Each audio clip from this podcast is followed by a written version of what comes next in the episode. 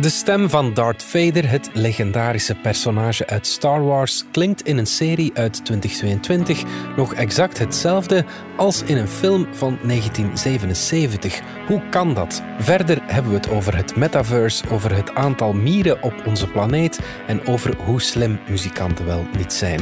Het is vrijdag 30 september. Ik ben Alexander Lippenveld. Van de Standaard is dit Bits en Atomen.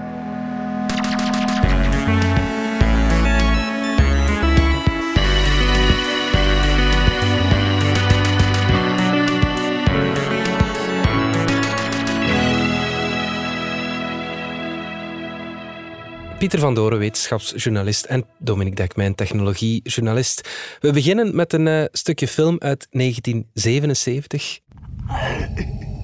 I find your lack of faith disturbing. Enough of this. Vader, release him. As you wish. Star Wars, de eerste film, uh, A New Hope. En dan gaan we naar 2022. Have you come to destroy me, Obi-Wan?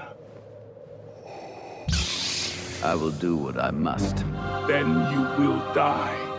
Je zou denken, Dominique, dat is dezelfde mens die dat uitspreekt, maar het is niet helemaal zo. Ja, en dat dacht ik toen ook. Ik vond dat super sympathiek. Ze hebben mhm. die oude James Earl Jones nog eens uh, zijn stemmetje laten inspreken. In uh, Obi-Wan Kenobi, die nieuwe en serie. Wat vertellen ze dan in Obi-Wan Kenobi, de serie die deze zomer uitkwam? De man is 91 intussen en verzorgt dus eigenlijk al, uh, wat is dat, 45 jaar de stem van Darth Vader. En op een fantastische manier. Ik weet, in de tijd is er eens een GPS uitgekomen met de stem van Darth Vader. Dat was uh, gewoon hilarisch. Enfin, maar wat blijkt nu? Ze hebben ons voor het lapje gehouden. Het was niet James Earl Jones die de stem ingesproken heeft. Hij was er wel bij betrokken, mhm. maar het ging om een deepfake stem. Oké, uh, het was ook niet Guga Bahul. Uh, nee, nee, het had dus ook een imitator kunnen zijn. Denk, het is zo'n beetje zo'n mechanisch stemmetje, dus je denkt dat kun je wel met wat elektronica wel nadoen. Maar nee, eigenlijk kan je James Earl Jones niet echt nadoen. Maar hij heeft er zelf blijkbaar dan aan meegeholpen. Maar dit is niet de James Earl Jones nu van 91, maar uh, zijn oude stem mhm. van 40 jaar geleden, gereconstrueerd aan uh, de hand van bestaande opnames. En hij is daar zelf ook bij betrokken geweest. En zo hebben ze dan eigenlijk beetje bij beetje, naar het schijnt, zijn die digitale bestanden heel wat heen en weer gevoerd. Dan is er wat, nog wat aan de tekst geprutst. Maar er kwam heel wat bij kijken. Maar uiteindelijk mhm. heb je dus een, een heel exacte reproductie van die stem. En dat is, uh, dat is sterk. Het is ook typisch Disney dat ze het dan pas achteraf vertellen hoe ze het uh, hebben klaargespeeld. Ja. ja, want uiteindelijk investeert veel in iets dat niemand merkt. Uh, ja, precies. inderdaad. Maar het is dus, uh, dus het interessante is ten eerste ja, dat die technologie voor die deepfake stemmen, laten we dat zomaar noemen, dat die zo goed is geworden dat je het inderdaad niet hoort. Mm echt, ik was echt overtuigd dat ik James Earl Jones aan het horen was. Een stem die ik goed ken. Oké, een stem die een beetje vervormd is en wat mechanisch moet klinken. Dat mhm. speelt wel. Maar op andere momenten hoor je dat meestal wel nog. Hè. Er is die discussie geweest een tijdje geleden, waarin dat ze in een documentaire over die uh, gestorven tv-kok uh, Anthony Bourdain, waarin dat ze dus in die documentaire even een stukje tekst dat hij toevallig nooit had uitgesproken, maar wel geschreven, hadden laten voorlezen in een deepfake versie van zijn stem. En dat hoor je dan ook niet echt. Mhm, mhm. Maar ja, dat is dan ook ja, een stukje commentaar in de loop van zo'n programma. Dat is iets heel anders. Dit was echt de sleutelscène. De apotheose van die hele serie is de confrontatie natuurlijk tussen Darth Vader en uh, Obi-Wan Kenobi. Okay. En dat wordt echt geacteerd. dus dat vond ik sterk dat dat kon. En tegelijkertijd roept dat natuurlijk de vraag op van... Ja, uh, hoe moet dat dan en van wie is die stem eigenlijk? Mhm. En uh, blijkbaar, maar de details hebben we er niet over gekregen, maar Vanity Fair, het tijdschrift dat opmerkelijk veel over technologie schrijft de laatste jaren. Ik weet niet waarom dat zo is. Mhm. Die hadden dus vernomen dat effectief er een soort akkoord is. Hè, dat James Earl Jones had gezegd, mhm. ik word er nu wat te oud voor. Uh, en ja, de stem op 91 is natuurlijk anders dan je stem op ja, 50. Wel, dat is logisch. Uh, dat hij zegt van, ja, we gaan er een andere oplossing voor vinden. En dat er dan samen een oplossing gevonden is. Waarbij hij wel tot op zekere hoogte een soort... Um, Hij heeft wel zijn toestemming gegeven. Ja, ja, En, ook, en, en, dat hij ook toezicht mag houden op wat er met die stem gebeurt. Ja. Dat lijkt mij netjes. Zo zou het altijd moeten zijn in gaan. Ja. Uh, ja, precies. En heel toevallig heb ik enkele weken geleden nog met Chris Umey, de deepfake-artiest, die is dan met, vooral met video deepfakes mm bezig. De, de, bekende, wereldbekende moeten we nu zeggen, Vlaamse deepfake-artiest Chris Umey, die dus aan die uh, Amerikaanse tv-wedstrijd America's Got Talent had deelgenomen en daarin dus een digitale, in de finale dan een digitale Elvis heeft opgevoerd. Op een bestaande Elvis-imitator werd het gezicht van Elvis gekleefd. Maar ook hè, als hij dan op het begin zijn introductie doet, en ik weet niet of we daar een klein stukje van kunnen laten horen. Dat hebben we. It's an honor to be here with y'all on America's Got Time. Uh, I'd like to thank Tom, Chris, and Metaphysic for having me here tonight. I have to tell you, we're going to do a couple of our biggest records now. You ain't nothing but a hound dog.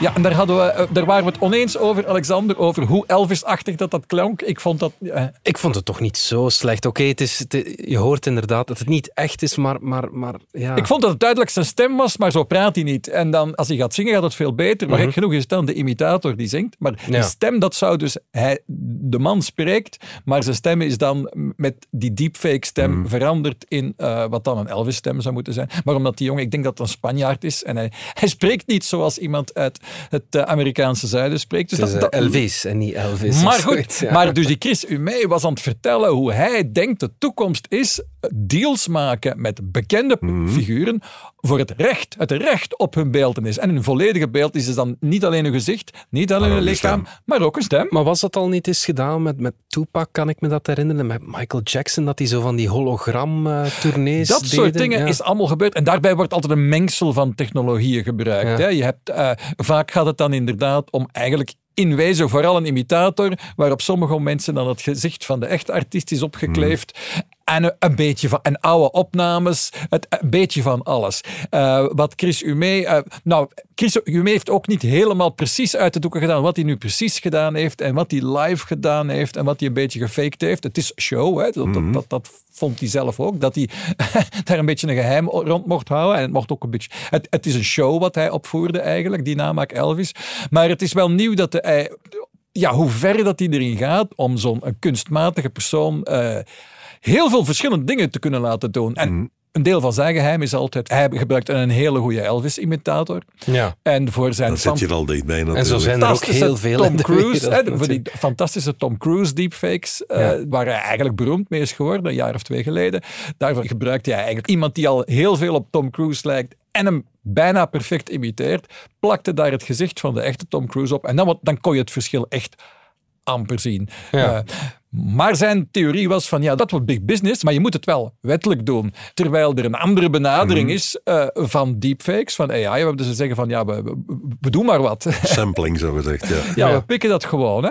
En uh, om, om dan een, een hele andere kunstvorm erbij te halen. Maar daar was uh, de afgelopen weken veel om te doen in de, in de beeldende kunsten, mm. in de grafische kunst. Hè. Dus het feit dat je nu ook um, alle schilderijen van Magritte in een AI-systeem kunt uh, pompen en daar een nieuwe Magritte uithalen. Mm. Dus je kunt ja. niet, alleen, niet alleen je gezicht, niet alleen je stem, niet alleen je lichaam, maar ook je kunst, wat je ja. maakt, kan eigenlijk door die AI-systemen worden gereproduceerd. En ja, specifiek voor die kunstwerken heerst nu nog het idee van ja, dat mag. ja. ik mag jouw kunst in mijn uh, deep learning systeem mm -hmm. steken en dan nieuwe kunstwerken maken. En die zijn van mij. Of die zijn van niemand. Ja, uh, maar ze zijn zeker niet van jou. En daar is nu de afgelopen week ja, heel wat discussie over geweest ja, met artiesten die zeggen van nee, dat gaat niet. Ja, ik herinner mij de rel met uh, Luc Tuymans die een uh, foto van Katrijn uh, van Kiel gewoon nageschilderd had. Ja, en van, ja, van wie was het Jean-Marie dan? de Dekker was die foto zeker. Ja. ja. dat was inderdaad. Ja. Wel ja, voilà, en ik heb nu geprobeerd, ik, dat was dan een beetje meta, ik ging dan proberen of ik werk in de stijl van Luc Tuymans kon namaken. Maar dat lukte niet. Er staan waarschijnlijk niet genoeg beelden van hem op het internet met zijn naam erbij, die, mm. uh, die dus door die algoritmes zijn opgeslokt. Want uh, dus met name DAL-I, het bekendste en een van de beste van die algoritmes, slaagt er niet in van een fake Tuymans te maken. Tenminste, mm. ja, hij kon niks met die term Tuymans, terwijl hij wel met Magritte kan werken of Van Gogh, dat werkt heel goed. Je moet al echt een van die absolute wereldbekende kunstenaars zijn om... Ja, of je moet daarmee aan de slag gaan. Ja, Want ja, Luc Tuymans is natuurlijk ja. ook wel heel bekend, maar nog Zo'n AI-systeem moet duizenden eh, Ja, dingen ja. gevoed krijgen eer het kan zeggen, ja, dat is het gemiddelde daarvan, dat zijn de typische kenmerken. Ja. Op twee foto's kun je niet de stijl van een artiest eruit halen. hè. Wij misschien nog net, maar zo'n AI-systeem nooit. Het gaat toevallig heel vaak om artiesten die technisch wel een beetje mee zijn en, en die een hele mooie portfolio van high-resolution versies van hun werken geüpload hebben. Mhm. En vooral dan met tekstomschrijving, hè, want dus die, die, die deepfake eh, beelden die Mhm. nu gemaakt worden, die werken eigenlijk doordat je koppels van een beeld en de omschrijving ervan eh voedt aan zo'n systeem. Dus met een breugel zal het waarschijnlijk ook al minder zijn. Ah, lukt, dus van die klassieke schilders, dat lukt opvallend goed, ja. En Ik ben niet zo ver geraakt met Rubens. eh, Misschien lukt het net minder goed met Picasso's of zo, want ja, bon, dat Nee, is niet... Dat, dat, die lukken heel goed. Die, Ja, ja, ja, ja, dat ja, als, ja. Je, als je vraagt, maak mij een, een Picasso-portret van Donald Trump, dat soort dingen, dat, eh, dat kunnen die dingen opmerkelijk goed. Eh, maar de grote vraag is effectief, hoe, eh, ten eerste pakt dat werk weg van artiesten. Mhm. Eh, En dus voor acteurs weten we nu van, ja, die fake Tom Cruise goh, gaat geen werk afpakken van de echte Tom Cruise. Zo werkt dat niet. Maar misschien dat eh, die fake... er is zo'n bekende Poolse fantasy illustrator wiens werk massaal wordt nagemaakt. Of je kunt werk in zijn stijl namaken, omdat hij zoveel van zijn werk op het internet heeft staan. Die kunnen nu, iedereen kan dat nu zelf even maken. En die man zei dan, eh, ja, ik begin me daar toch een beetje zorgen Dat over zal te zijn verkoop dat niet zal te goede komen natuurlijk. Ja, ja, ja. oké.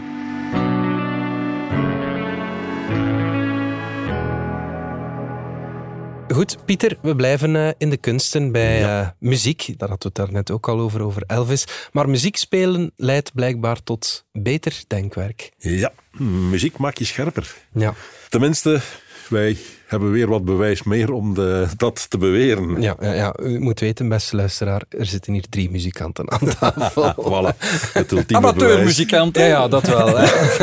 Het ultieme bewijs, muziek maakt je scherper. Vertel. Oké, wat is er aan de hand? Er zijn al eh, vaker eh, tests geweest waarbij eh, muzikanten eh, ja, de klassieke tests laten doen.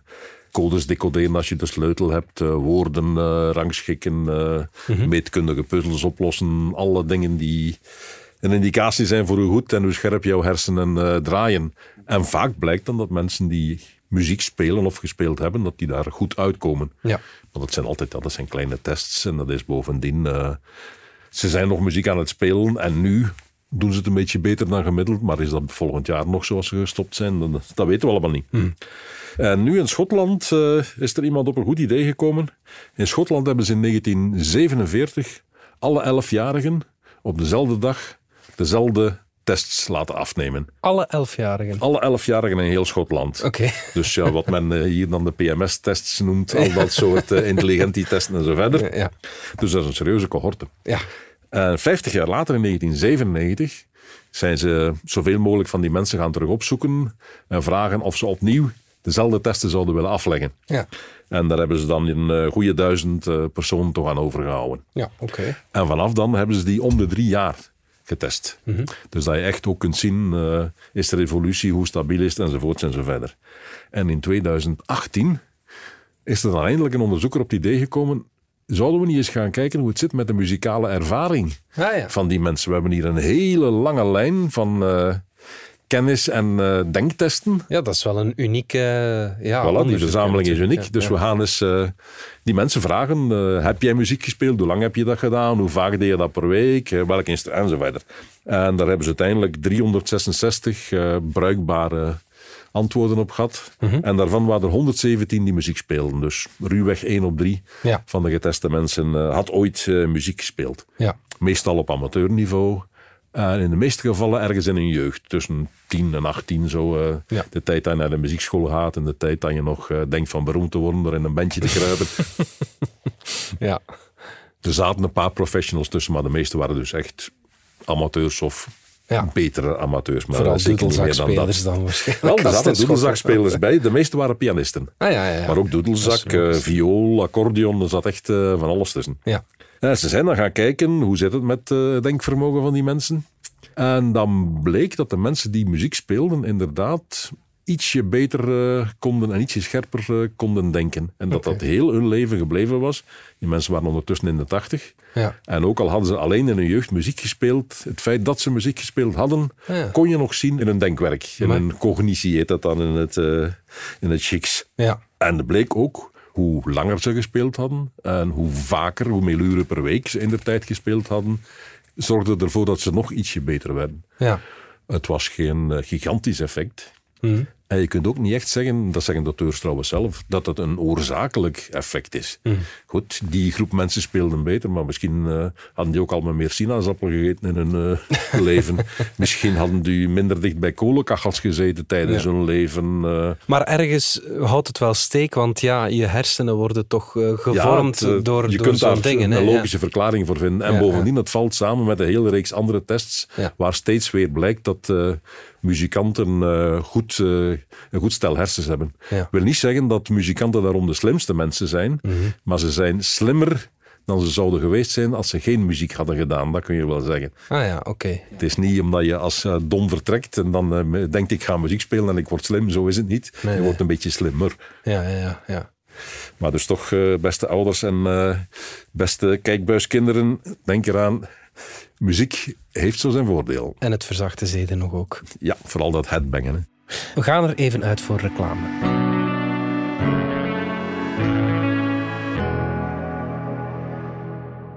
Wil jij je passie omzetten in Lego-stenen? En wil je iets verwezenlijken? Met je eigen handen. Het plan uitvoeren, blad na blad, stap voor stap. Super gefocust. Je bent in het moment. En je ziet het voor je ogen groeien. Lego bouwplezier dat is toch het schoonste wat er is. Wil jij ook je passie omzetten in Lego-plezier? Zoek dan snel op Lego-sets voor volwassenen.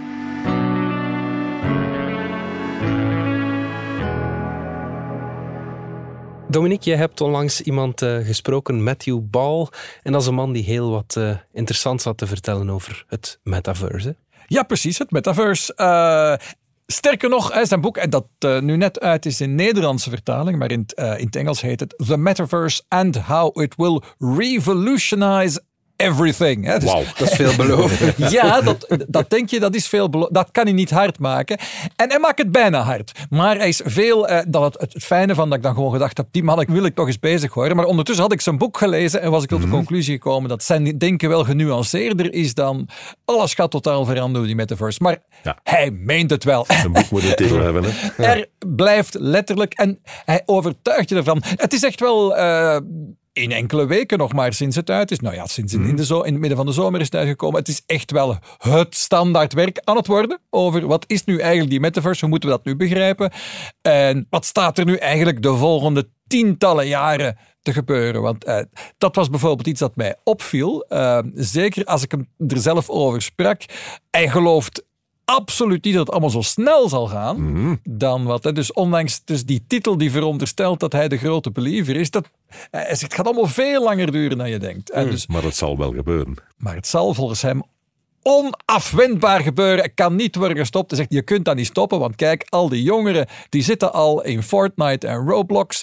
En dat is eigenlijk al het begin van de metaverse. Ja. Het is generationeel. Je kunt mhm. dat niet stoppen. Die generatie gaat in de metaverse zitten of de oudere mensen er ook nog bij willen komen, doet volgens hem eigenlijk nog weinig. Maar ja, dat, dat, zaak, dat, dat gaat dan om spelletjes en ja, oké, dat heeft wel een impact op die jongeren hun leven, maar hoe gaat dat dan alles veranderen? Want die stap is toch redelijk groot, denk ik. Wel, hij maakt ten eerste een punt, en dat is een beetje gemakkelijk eigenlijk hoor, maar hij praat heel veel over die, wat men digital twins noemt. En dat zijn eigenlijk 3D-omgevingen, eh, vaak mhm. gemaakt met behulp van gaming-technologie, technologie uit de gaming komt, maar die men gebruikt bijvoorbeeld bijvoorbeeld om een, ja, wij zitten hier in een kantoorgebouw, maar mhm. in een modern kantoorgebouw zou dat kunnen dat men dat beheert, niet op basis van een soort, eh, een beetje programmacode uh, om de verwarming op bepaalde vaste momenten aan en uit te zetten, maar dat men volledig 3D-model bouwt van hoe die luchtstromen door dat gebouw gaan, hoe de mhm. deuren open en dicht gaan, en afhankelijk van hoeveel mensen er dan uh, langs de trap naar boven komen. Je kunt een volledig 3D-model maken van zo'n gebouw en dat gebruiken om bijvoorbeeld de airco te sturen of om te mhm. beslissen of een bepaalde roltrap naar boven of naar beneden moet gaan. Men doet dat al voor grote luchthavens en voor sommige gebouwen. En dus eigenlijk, als je door die luchthaven stapt, jij ziet het niet, maar die luchthaven heeft een volledige metaverse-versie, een digitale versie, die je kunt bekijken als je wil via een VR-bril of op een beeldscherm. Ah, zelfs als je hem niet ziet, is hij er wel. En zonder dat 3D-model zou die luchthaven eigenlijk niet kunnen functioneren. Dus het dus we zitten neemt de werkelijkheid over. Ergens wel. Voilà. Dus, dus er is overal, en zelfs als je het niet ziet, zelfs als wij oude rakkers zeggen van wij willen die niet met zo'n rare bril rondlopen. Wat denken jullie wel?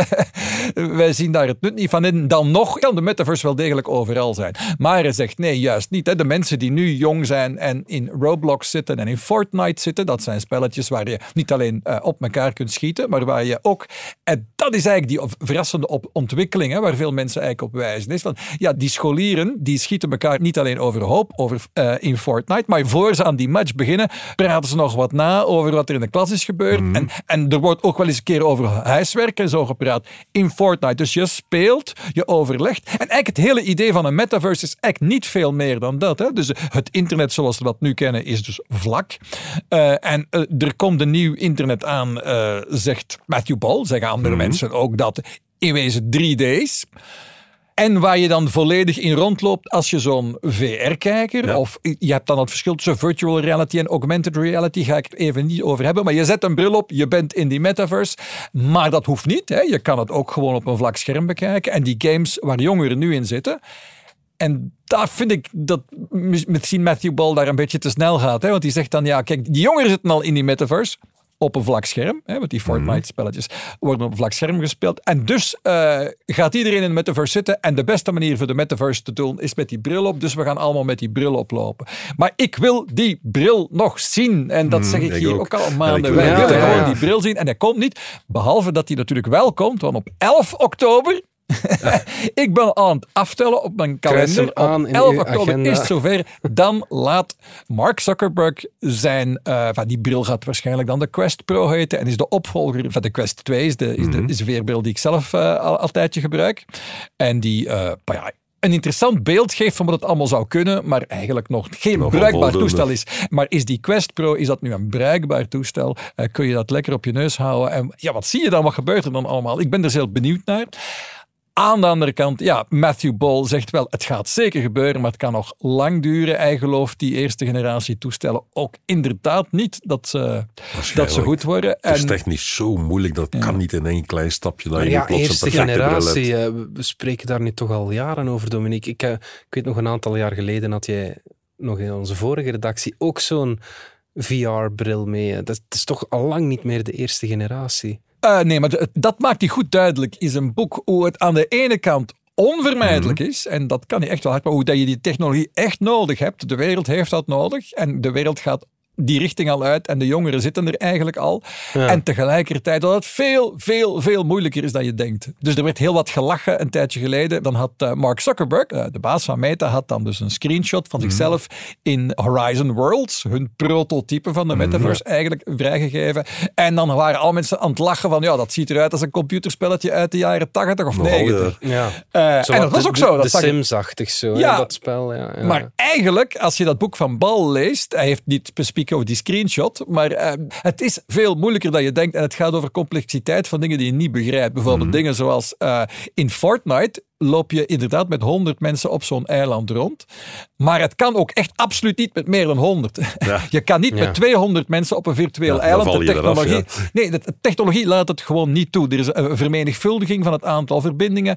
Eigenlijk kan je op een virtuele plek op dit moment maar met 10, 20 mensen echt tegelijk op dezelfde plek zijn. Of het werkt gewoon helemaal niet. Er is niet genoeg bandbreedte, er is niet genoeg rekenkracht. Dat loopt allemaal totaal uit de hand. Dus het is verschrikkelijk moeilijk, die metaverse. En het is veel, veel moeilijker dan je denkt als je dingen ziet die er al sterk op lijken, maar die het eigenlijk nog niet zijn. Dus het gaat nog heel lang duren. En, En- hij en- zegt ja, ook, dus wanneer aan de dan? ene kant... Ja, wel ja, dat is dan de vraag. Wanneer? Dat Ja, heb ik hem verschillende keren gevraagd. En hij ontweek dat een klein beetje. Hij zegt, ja, ik denk niet dat we tegen het einde van dit decennium al met die bril eh, rondlopen. Snel dus dat zijn. niet. Dat, ja, dat is wat Mark Zuckerberg wel zegt. Ja, die moet wel, of hij verkoopt niks onder. Ja, ja, precies. Dus, maar hij zegt nee, ik denk dat dat eerder iets is. Zo'n toestel dat bijvoorbeeld je smartphone aanvult, dat zie ik nog wel opkomen, zo in, maar toch eerder in de jaren 30. Hè. In de jaren 20 zal dat eerder nog beperkt zijn.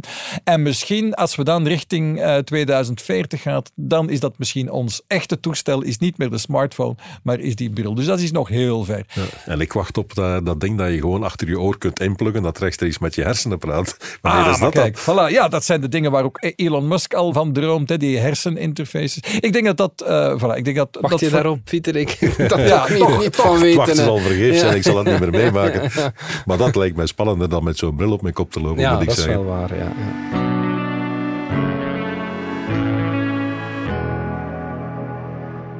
Pieter, we weten dat we met ongeveer 7 miljard mensen zijn, mhm. maar met hoeveel mieren we te maken hebben op aarde, dat wisten we niet tot en nu wel. Oké. ik kan me niet voorstellen dat iemand zich aan tellen is. Uh. hou je nullen klaar, want uh, dat is een serieus aantal. Ja. Het is 20 biljard. Ja. En niet biljart met een T, maar met een D. en als je dat Sorry, omtelt naar nullen, dan heb je 20 met nog 15 nullen erachteraan. Ja. Dus dat is gewoon onvoorstelbaar. dat is een getal waar je niks kunt bij voorstellen. Dat is een miljoen maal een miljoen. Mm En dat 20.000 keer. Ja, ja, ja. ja oké, dat, dat zegt niks meer. Hè. Mhm, mhm. ja, het is gigantisch, laten we daar maar over eens zijn. Mhm, en dat is het aantal mieren, dus uh, 20 uh, biljard, 20 maal 10 tot de 15e. En als je dat gaat omrekenen, als je dat vermenigvuldigt met het gewicht van de gemiddelde mier, dan kom je op 12 megaton, 12 miljoen ton aan mieren op deze aarde. Dat is ook niet weinig. Dat is niet weinig. Mhm. De zoogdieren en het wild, uh, mensen en hun vee eventjes niet meegeteld, die komen aan 2 megaton. De vogels komen aan 7 megaton. Samen is dat 9. En dan al de mieren zitten aan 12. Oké, wat moet dat dus- dan met al die andere insecten er nog bij zijn? ja, ja, ja. Dus het is een serieus aantal. Ja, ja, ja. Hoe hebben ze dat uh, Ja, dat was niet evident, want er zijn vroeger wel al uh, schattingen geweest natuurlijk. Uh, je gaat ergens een park in, je telt daar in een vierkante meter het aantal mieren en dan zeg je, de aarde is zoveel vierkante meter. Ja, we komen aan zoveel mieren. Ja. Dat zijn natuurlijk zeer ruwe extrapolaties. Ja. Zo kom je er niet. Hè. Dus wat deze mensen gedaan hebben, die zijn de hele wereldliteratuur aan studies gaan napluizen op alle mogelijke studies waar mieren in vernoemd worden. Mhm. En dan zijn ze gaan kijken, zijn daar studies bij waar mieren op een propere, betrouwbare manier geteld worden.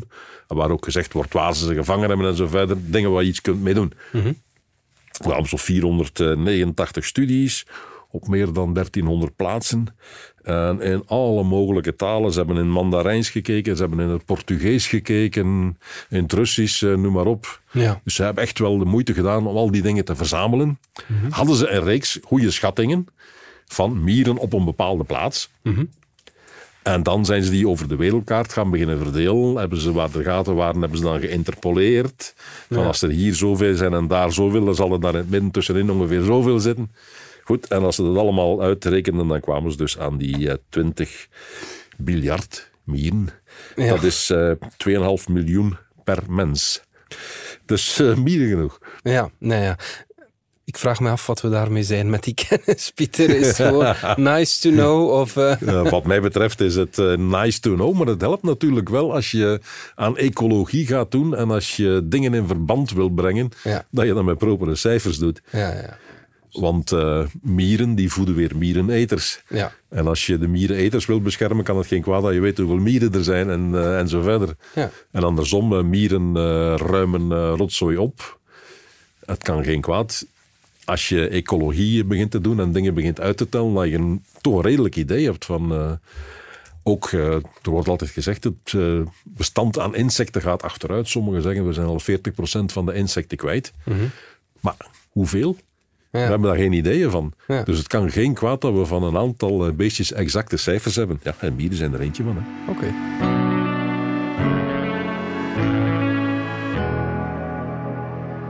Pieter, de ster van de week brengt ons naar ons ja, favoriete sterrenstelsel, de Trappist-sterrenstelsel. Vertel eens, wat uh, is daar gezien? Voor wie uh, een beetje op een andere planeet geleefd heeft. Uh, de Trappist is een uh, telescoop van de Belg Michael Guillon. Mhm. En die heeft daarmee een ster ontdekt waar dan weer zeven planeten rondcirkelen. Waarvan er een heel aantal in de, wat men noemt, leefbare zone zitten, in de zone waar vloeibaar water is. Ja. Alleen, die ster waar ze rondcirkelen is een, eh, wat men noemt een rode dwerg. De vakmensen die spreken dan van klasse M. En die geeft rood licht. En niet eens veel rood licht. Die geeft vooral infrarood zelfs en ver infrarood licht. En de vraag is dan, eh, het is allemaal goed als je daar vloeibaar water hebt. En dan ontwikkelen zich eh, de eerste microben. En vroeg of laat komt er eentje die licht kan gebruiken om aan fotosynthese te doen. En dan zijn we echt vertrokken. Maar kun je met dat licht, kun je daar aan fotosynthese doen? Ja. Kun je bladgroen ontwikkelen op zo'n planeet? Goeie vraag, niemand had het antwoord. En dan zijn er mensen van de Universiteit van Padua, die hebben een sterlichtsimulator gebouwd. Een ding met een hele hoop afzonderlijke leds en gloeidraden allerhande, waarmee ze alle mogelijke kleuren en eh, kleurtemperaturen konden maken. En waarmee ze het licht van onze zon bijvoorbeeld konden maken. Die is klasse G voor de astronomen. Nou ja. Maar ook het licht van zo'n rode ster van die M-klasse. En daar hebben ze nog eens een, niet alleen een lichtsimulator gemaakt, maar ook een luchtsimulator. Ze hebben een soort ja, kast gemaakt waarin je de atmosfeer van een planeet kunt eh, namaken met eh, alle mogelijke gassen en zo verder. Zodat ze heel flexibel waren. En dan zijn ze gaan kijken rond de trappist, of rond rode dwergen in het algemeen, zou je daar een bacterie kunnen vinden die kan leven met dat licht.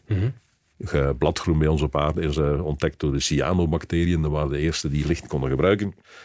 En ze zijn er inderdaad in geslaagd om zo'n eh cyaanbacterie, om die zachtjes aan richting M-ster licht te duwen. Ja. En het blijkt dat inderdaad ook rond trappist, dus bacteriën kunnen leven van het licht van zo'n ster. En dat is nieuw natuurlijk. ja. Dat verhoogt alweer eh, de kansen op leven in het heelal. Dit was Bits en Atomen. Bedankt voor het luisteren. Volg ons op Spotify, Apple Podcasts of eender welk ander podcastplatform. In onze gratis app DS Podcast kan je niet alleen ons werk beluisteren, maar ook de beste podcasttips met zorg geselecteerd door onze redacteur Max de Moor. Alle credits van de podcast die je net hoorde vind je op standaard.be-podcast. Reageren kan via podcast.standaard.be. Volgende week zijn we opnieuw.